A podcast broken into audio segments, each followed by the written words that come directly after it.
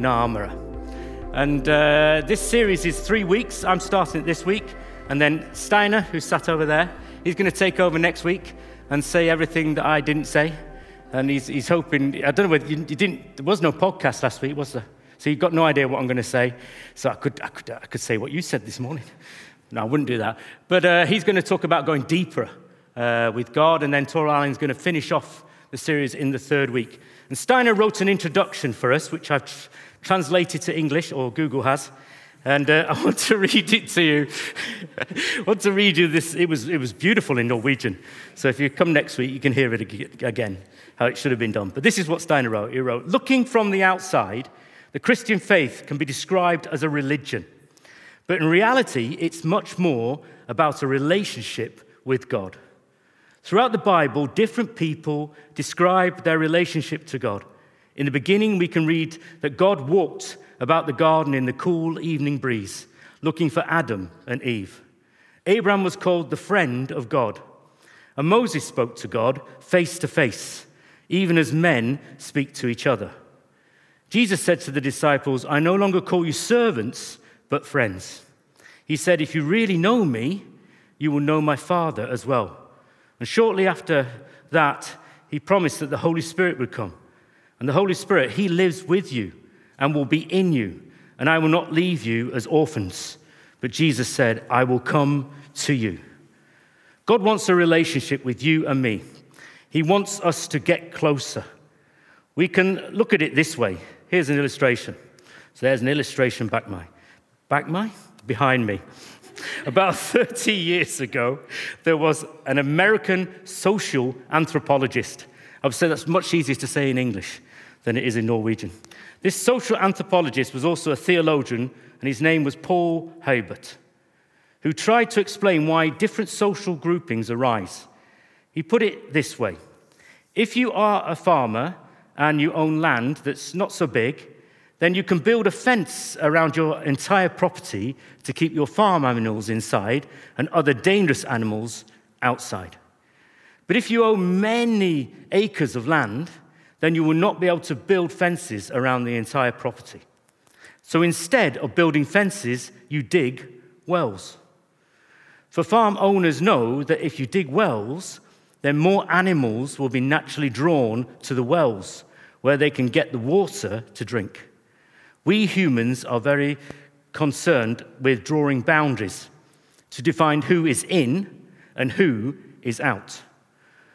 But what was different about Jesus when he came was that he came and placed himself in the center and said, The kingdom of God is at hand. And then it is not so much about where you stand in relation to the man made boundaries for who is in and who is out but where you stand in relation to Jesus. Therefore, God does not care so much about how far you have come, but He's very concerned about which direction you are going. Because you can be far away from the center and still be going towards the center, Him. And vice versa. You can be close to the center and still be going in the opposite direction, the wrong direction, away from Him. Whether you are far away or close, God is calling you to come closer. Let's pray. Lord Jesus, thank you that we can meet here together tonight and we can see each other and we can have fun with each other and look after each other. But also, thank you, you are here with us. So help us, help us as we worship, help us as we listen. Lord, to enjoy being in your presence. Enjoy that you are here. Lord, in our hearts and our minds and our thoughts now, draw us closer today. Draw us close so we can see your heart for us. I pray in Jesus' name. Amen. Amen. Draw near to God. That's what the title is for today's talk. And uh, there's a song, and I, am old. Do you see that? Some of you, amen. Some of you have got good eyesight. I'm old, so I know lots of songs about drawing close to God, but some of them, you know, they, they, they feel a bit special. And this is one of them. This is by a, a woman called Kelly Carpenter. And she wrote this song Draw me close to you. Never let me go. I lay it all down again to hear you say that I'm your friend. You are my desire. No one else will do, because nothing else can take your place to feel the warmth of your embrace. Help me find the way. Bring me back to you. You're all I want. You're all I've ever needed. You're all I want. Help me know you are near. I hope when you, when you hear the song, you can feel the, the desire in the song, the longing, the longing to be close to Jesus, the longing to, to know Jesus better. And in a way, this talk tonight, that's what it's about. It's about me trying to explain to you Jesus' heart for you, that He is close to you, and He wants you to draw near to Him. So I said this song is full of passion. Here's another one. This is David, Psalm 42, verse 2 to 3. As the deer pants for streams of water, so my soul pants for you, my God. My soul thirsts for God, the living God. Can you feel the passion? I hope so. Now, we could have silly discussions tonight about who's the most passionate here. Who's the most passionate for Jesus? Should we, should, we, should we, try? Should we have a look around the room?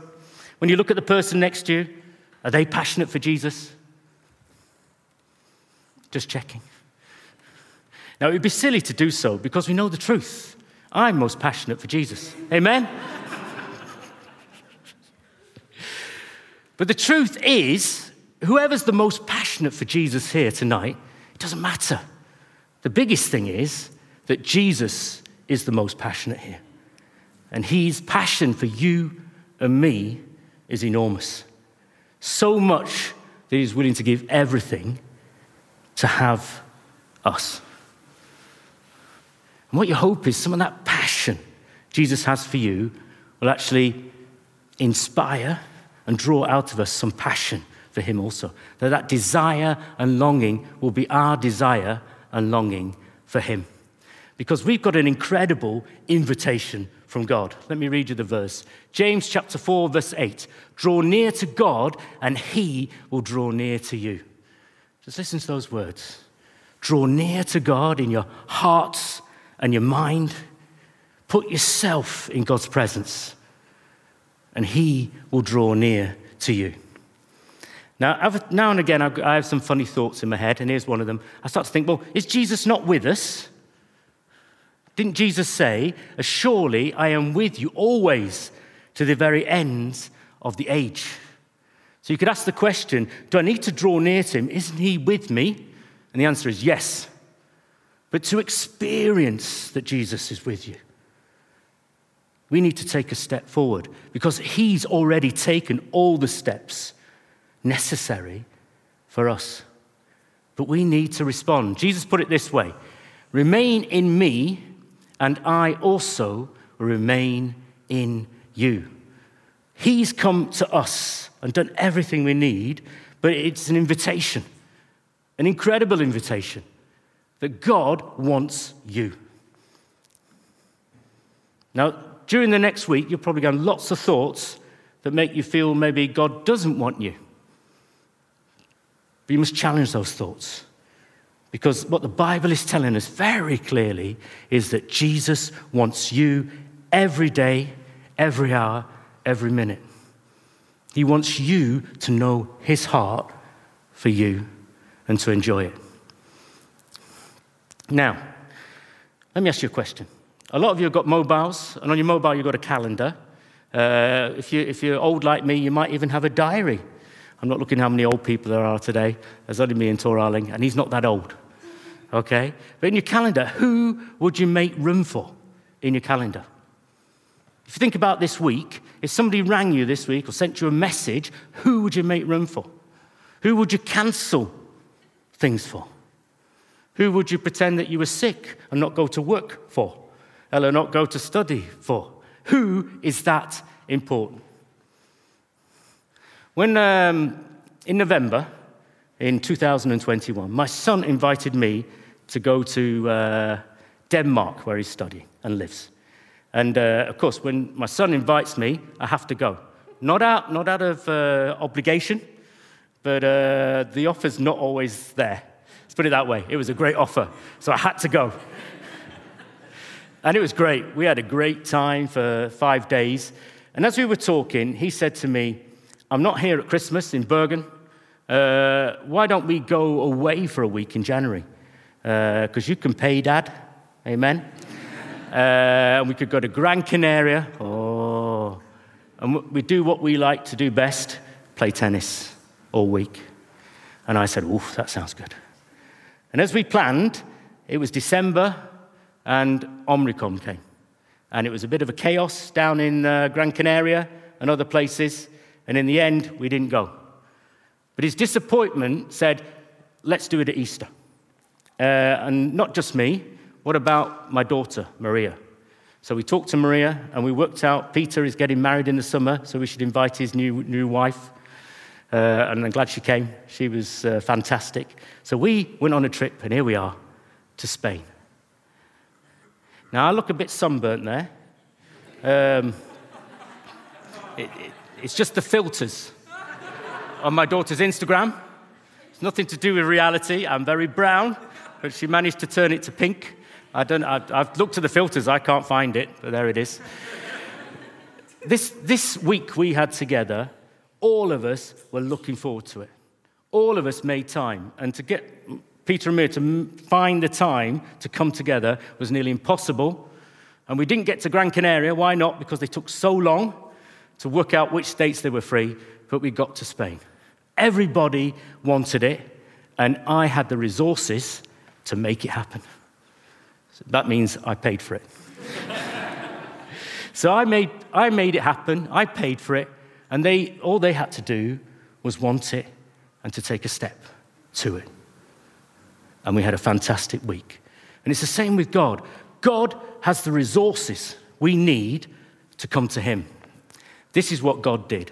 It's about Jesus. It says, Jesus, He Himself bore our sins in His body on the cross 1 Peter 3:18 For Christ also suffered once for sins the righteous for the unrighteous to bring you to God. When we think about Easter, what Easter is about, it's not just about having our sins forgiven, but there's a reason why our sins are forgiven. Why? Because God wants you and me. It's in that last line to bring you and me to God. That's why Jesus came.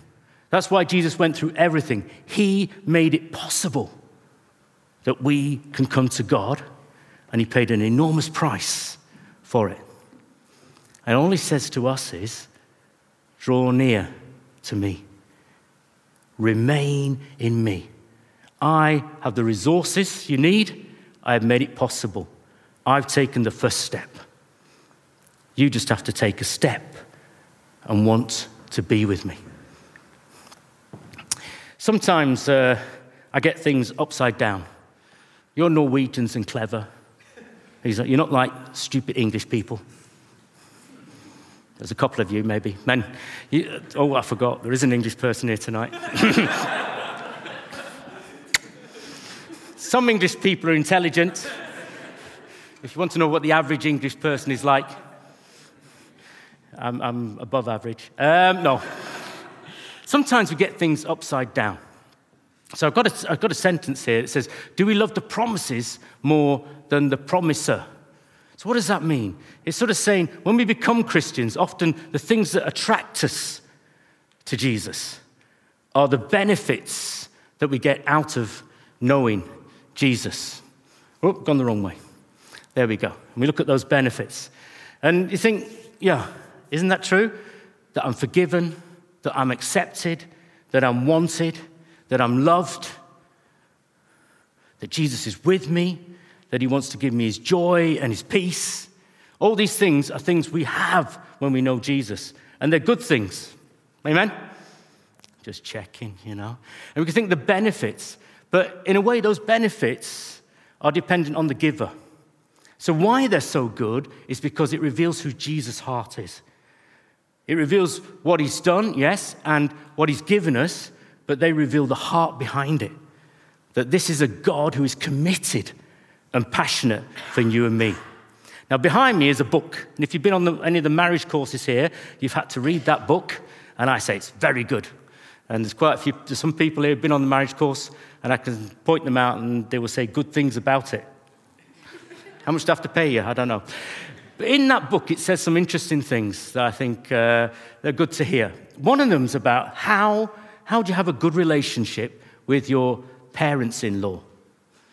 And then, and then there's just a blank page, and it says, no chance. no, it doesn't. But it then gives you lots of good advice. But in that advice, it says this it says about your own parents. Don't just contact your own parents when you need something. Talk to them when you don't need something as well. And I think you don't have to be married for that to be good advice. Otherwise, it sounds like you only want them for what they can give you. And that doesn't sound nice, does it? And when I read, when I do the course and I come to this chapter, I feel guilty because I start to think how I was with my parents. And I thought, did I just talk to them when I needed something? And then I remember Jesus has forgiven me and accept me, and I don't have to think about these horrible things. but you, are probably young enough, you can do something about it. My parents aren't here anymore. But it's a, it's a good thing, isn't it? Was it just the things they could do for me that meant I was interested in them, or was I interested in them? And you can say it's the same with God. Is it the things that God can do for you that attract us to Him? Or have we come a bit farther in our relationship with God? It's not just what He can do for us and give us, but we started to enjoy being with Him. Like I'd enjoy being with my children at Easter. It wasn't what they could do for me or how they could serve me, because I just served them in reality. But being with them was so much fun, so much joy to be together. And it's the same with God. When you think about marriage, I'm single. And you could think, I could get married again. What would I look for in a wife? And I could think, lots of money. Huh? lots of money, and I could do what I like. Eh? Any other requirement? No, no. She just has to have lots of money. You could think, I'm just a gold digger. Can you see it? See it, man? I'm just a gold digger. And you think, what sort of a person would be just a gold digger? What sort of person would go into a relationship just for what they could get out of it and that would have a comfy life? And we know, we know that sounds silly because we think you're missing the whole point of marriage. When we talk about the relationship with God, if it's just about that I'm forgiven and that I'm going to be in heaven, we're missing the whole point of the relationship with Him. We're missing the best bit, which is Him Himself. Even when we look back in the Bible, we can see this was always the point. This is in the second book of Moses. In English, we call Exodus, which sounds mere cooler than second book of Moses. Amen? Exodus. Da, da, da. I don't know what it means, but it sounds cool. Yeah, when uh, God's people were in slavery, were imprisoned in a way in Egypt as slaves to build for the Egyptians, Moses tried to get them out. And he went the wrong way about it, uh, and he ended up having to run away. And then 40 years later, God met him in a very spectacular way and told him that, yes, Moses, you are going to take my people out of Egypt to the promised land, a land flowing with milk and honey. And if you ask me, why did God take the people of God out of Egypt? I would answer you to take them to the promised land, Israel. And you'd say to me, You're a dumb English person. That's not why he took them out of Egypt. Let's read it. It's behind me. Exodus chapter 7, verse 16. Uh, God says to Moses to say to Pharaoh, He says, Then say to Pharaoh, the Lord, the God of the Hebrews, has sent me to say to you, Let my people go, so that they may worship me in the wilderness. The goal was always that they would worship God, that they would have a relationship with God, not a place they would go to, that would happen, but the goal, the most important thing, was that they would know God and enjoy Him. If they went straight to the promised land, they would enjoy the promised land with the milk and honey. But they might miss out on what's really important. It's not the land, it's the person, God Himself. And sometimes when we're preaching up here, maybe we make a mistake, and you can tell me later how many times I've done it. Maybe we talk about knowing Jesus is about heaven, it's about a place. And in a way, it is. But it's not, most, not really about a place, mostly, it's about a person who's going to be in that place, who we can know today, and that's Jesus Himself. I get things upside down. I could be Australian. it's a terrible joke, isn't it? It's not even funny. That's a dad joke, you see, because I'm a dad. Yeah, I get things upside down, the wrong way around. Uh, number three, this is the final point that we're called to be worshippers first and workers afterwards. And you can say, is, is that so difficult? Well, it's not often what we do in church. Because we've learned something in church that if you get involved in something, whether it's doing the sound or playing the synth or making coffee or standing here talking rubbish, whatever the role is, the more you're involved, the more you feel at home. Will we say that, Knut Tom? That's what we've experienced. So we like to get people to do stuff. But being a Christian, mostly, is not about doing stuff for Jesus it's about being with Him and letting Him do stuff for us. It's important, yes, serving God is part of our worship. Don't misunderstand me. But it's probably not the most important part of our worship. Okay, now you're allowed to disagree. Does anybody disagree? Boo! Boo! Where does it say that in the Bible? Well said. Who's over there? I'm impressed. Yeah? Phew. Found a Bible verse. well, let's look at what Jesus said. Jesus went up on a mountainside and called to him those he wanted, and they came to him.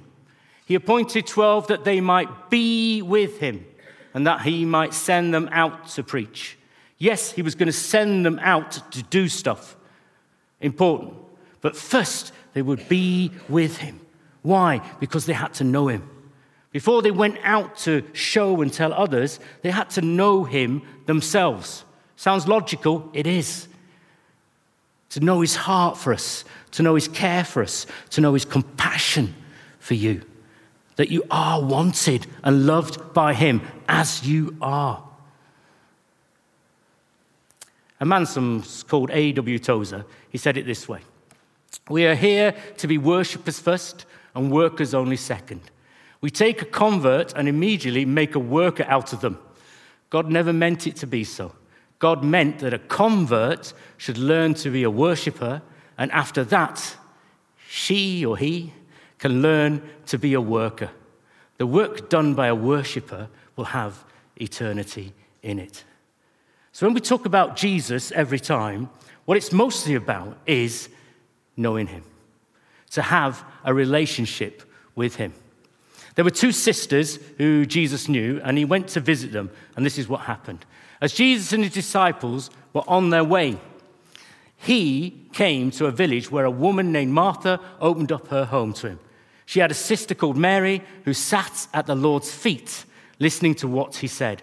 But Martha was distracted by all the preparations that had to be made. She came to him and asked, Lord, don't you care that my sister has left me to do the work by myself? Tell her to help me. Martha, Martha, the Lord answered, you are worried and upset about many things, but few things are needed, or indeed only one. Mary has chosen what is better, and it will not be taken away from her. I think this is high drama. And depending on which side you're on, you may think Jesus is very unfair. Because what Martha is doing is not wrong. In fact, it's very good. She wanted Jesus to feel at home, and she wanted to, uh, how would I say that in English? Honor him. And she does. But Maria, she sits at Jesus' feet to listen to him. And maybe you're here thinking, maybe you've got a brother or a sister. Every time there's work needs doing, nobody can find them. I've got two children like that. They're both like it. Is this being recorded? I've got to ask. Cut that bit out. Yes, they're very, they're very hard-working children. nah, I'm like that sometimes. It's like, you know, there's a bit of work to be done, there's someone else to do it. And you could think, what is Maria doing? Shouldn't she be helping her sister? Because her sister is honoring Jesus. But Jesus points out to Martha what's most important. What does Jesus want most from you? That you do things for Him or you be with Him. It's not that doing things for Him is wrong. In fact, it's very good. It's part of our worship. It's part of blessing each other. It's part of helping others find Him. But mostly, what He wants is you. Because He loves you and He wants you to know His heart and know how much He loves you. Take time to sit at the Lord's feet like Maria, to listen to what He's saying. You know, you think about this week. Life's busy. Has Jesus time in your calendar? Make an appointment with Him every day sit at his feet. Why? Because you have to? No. Because you need it.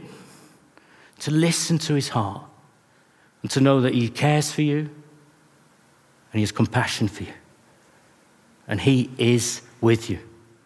So, what do you need to hear from Jesus today?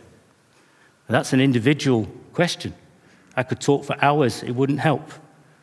What do you need to hear from Jesus today. Jesus said, Come to me, all you who are weary and burdened, and I will give you rest. Maybe that's what you need to hear. Come and find his peace. Come and find out, yeah, you are with me every day, even though my life's chaos or I'm worried. You were there, and you were with me, and you were for me. Take my yoke upon you and learn from me, for I am gentle and humble in heart, and you will find rest for your souls. For a yoke is easy and a burden is light. This week, make time for Jesus. What are you going to do in that time? Well, there's two suggestions for you from two verses that I think are very beautiful verses. The first one uh, in white, black on white. They probably both look like black on white, with a white background. 2 Corinthians 3:18. Just listen to this verse. And we all who with unveiled faces contemplate the Lord's glory are being transformed into his image with ever increasing glory which comes from the Lord who is spirit. There's a lot of words there. But what is it saying? We all with unveiled faces it's looking at the picture of Moses who had to cover his face, but ours is uncovered. We can be in the presence of God and do what? Contemplate his glory. Contemplate is a lovely word in English. I couldn't translate it into Norwegian. In the Bible, in Norwegian, it says se. Sounds too boring. No, it's not boring. But to see his glory in the presence of God. It's to be in awe of Jesus because he is the King of Kings and the Lord of Lords. He is God Almighty. Woo! You get to be in the presence of God Almighty every day. The other verse. One thing I ask from the Lord, David wrote, This only do I seek, that I may dwell in the house of the Lord all the days of my life, to gaze on the beauty of the Lord, to seek him in his temple. As we contemplate the glory of Jesus, we also can see the beauty of Jesus. And we need to see it. And we can pray that this week, as we meet with Jesus, as we spend time with Him, that He shows us His beauty. He shows us the dimensions of His love for you and me. Love that motivated Him to give everything for you. That meant He was willing to go to a cross and suffer. Why? To bring us, as we read in 1 Peter, to God. How much are you loved? By Jesus. So much that he gave everything for you. So this week, are we going to be like Martha? Or are we going to be like Maria? Or are we going to be none of them? Well, your choice is there, but will you be like Mar- Maria? Come to Jesus every day and hear his words and know that compassion he has for you and that love and the joy at meeting you. So much joy that it got him through the cross, we read in Hebrews. So, what do you need from Jesus today? Draw me close to you. Never let me go. Very bad mistake there in spelling. I lay it all down again to hear you say that I am your friend. You are my desire. No one else will do. Because nothing else can take your place to feel the warmth of your embrace. Help me find the way. Bring me back to you. You're all I want. You're all I've ever needed. You're all I want. Help me to know you're near. Let's close our eyes and just spend some time in silence. And what should we do with that silence? Well, sit at Jesus' feet and listen to what he's saying to you today. Hear his heart for you. Hear how much he loves you. Hear how much he wants you. Hear that incredible passion and compassion he has for you. And draw near to him.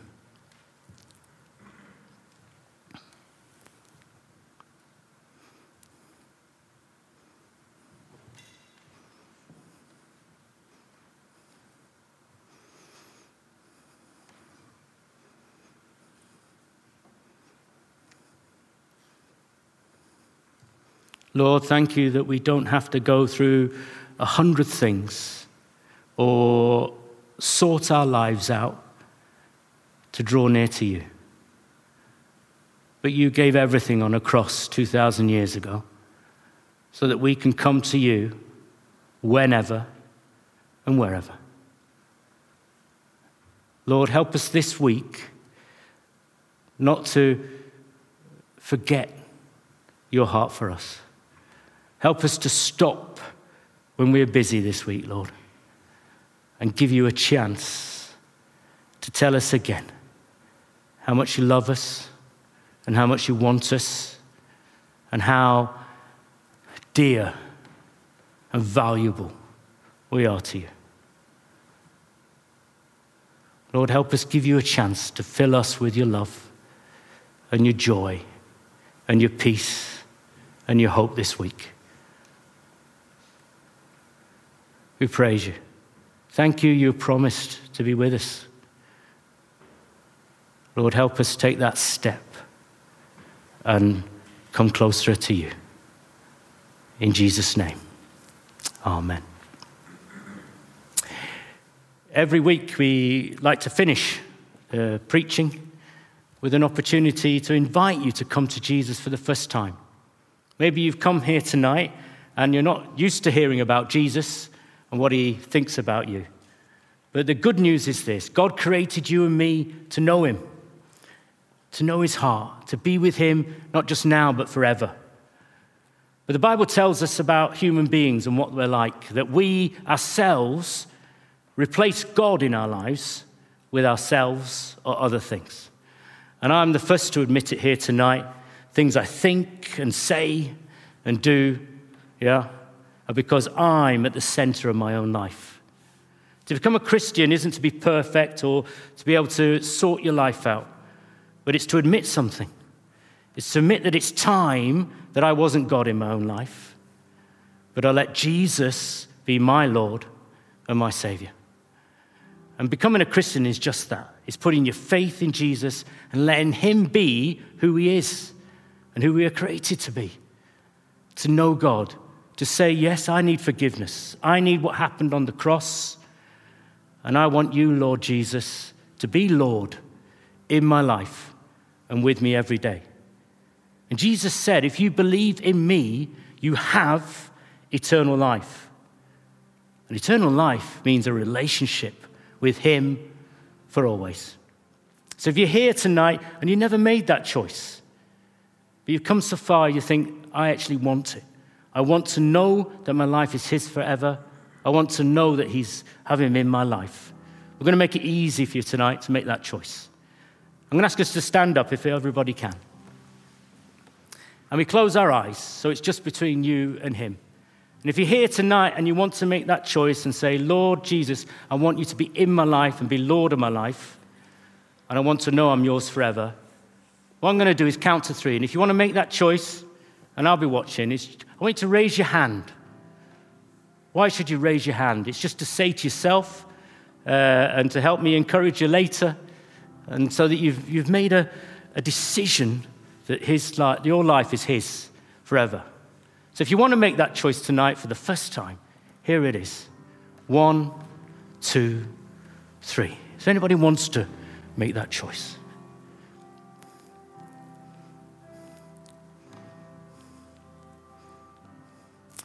I don't see any hands, so open your eyes and we'll continue to worship him because he's worth everything.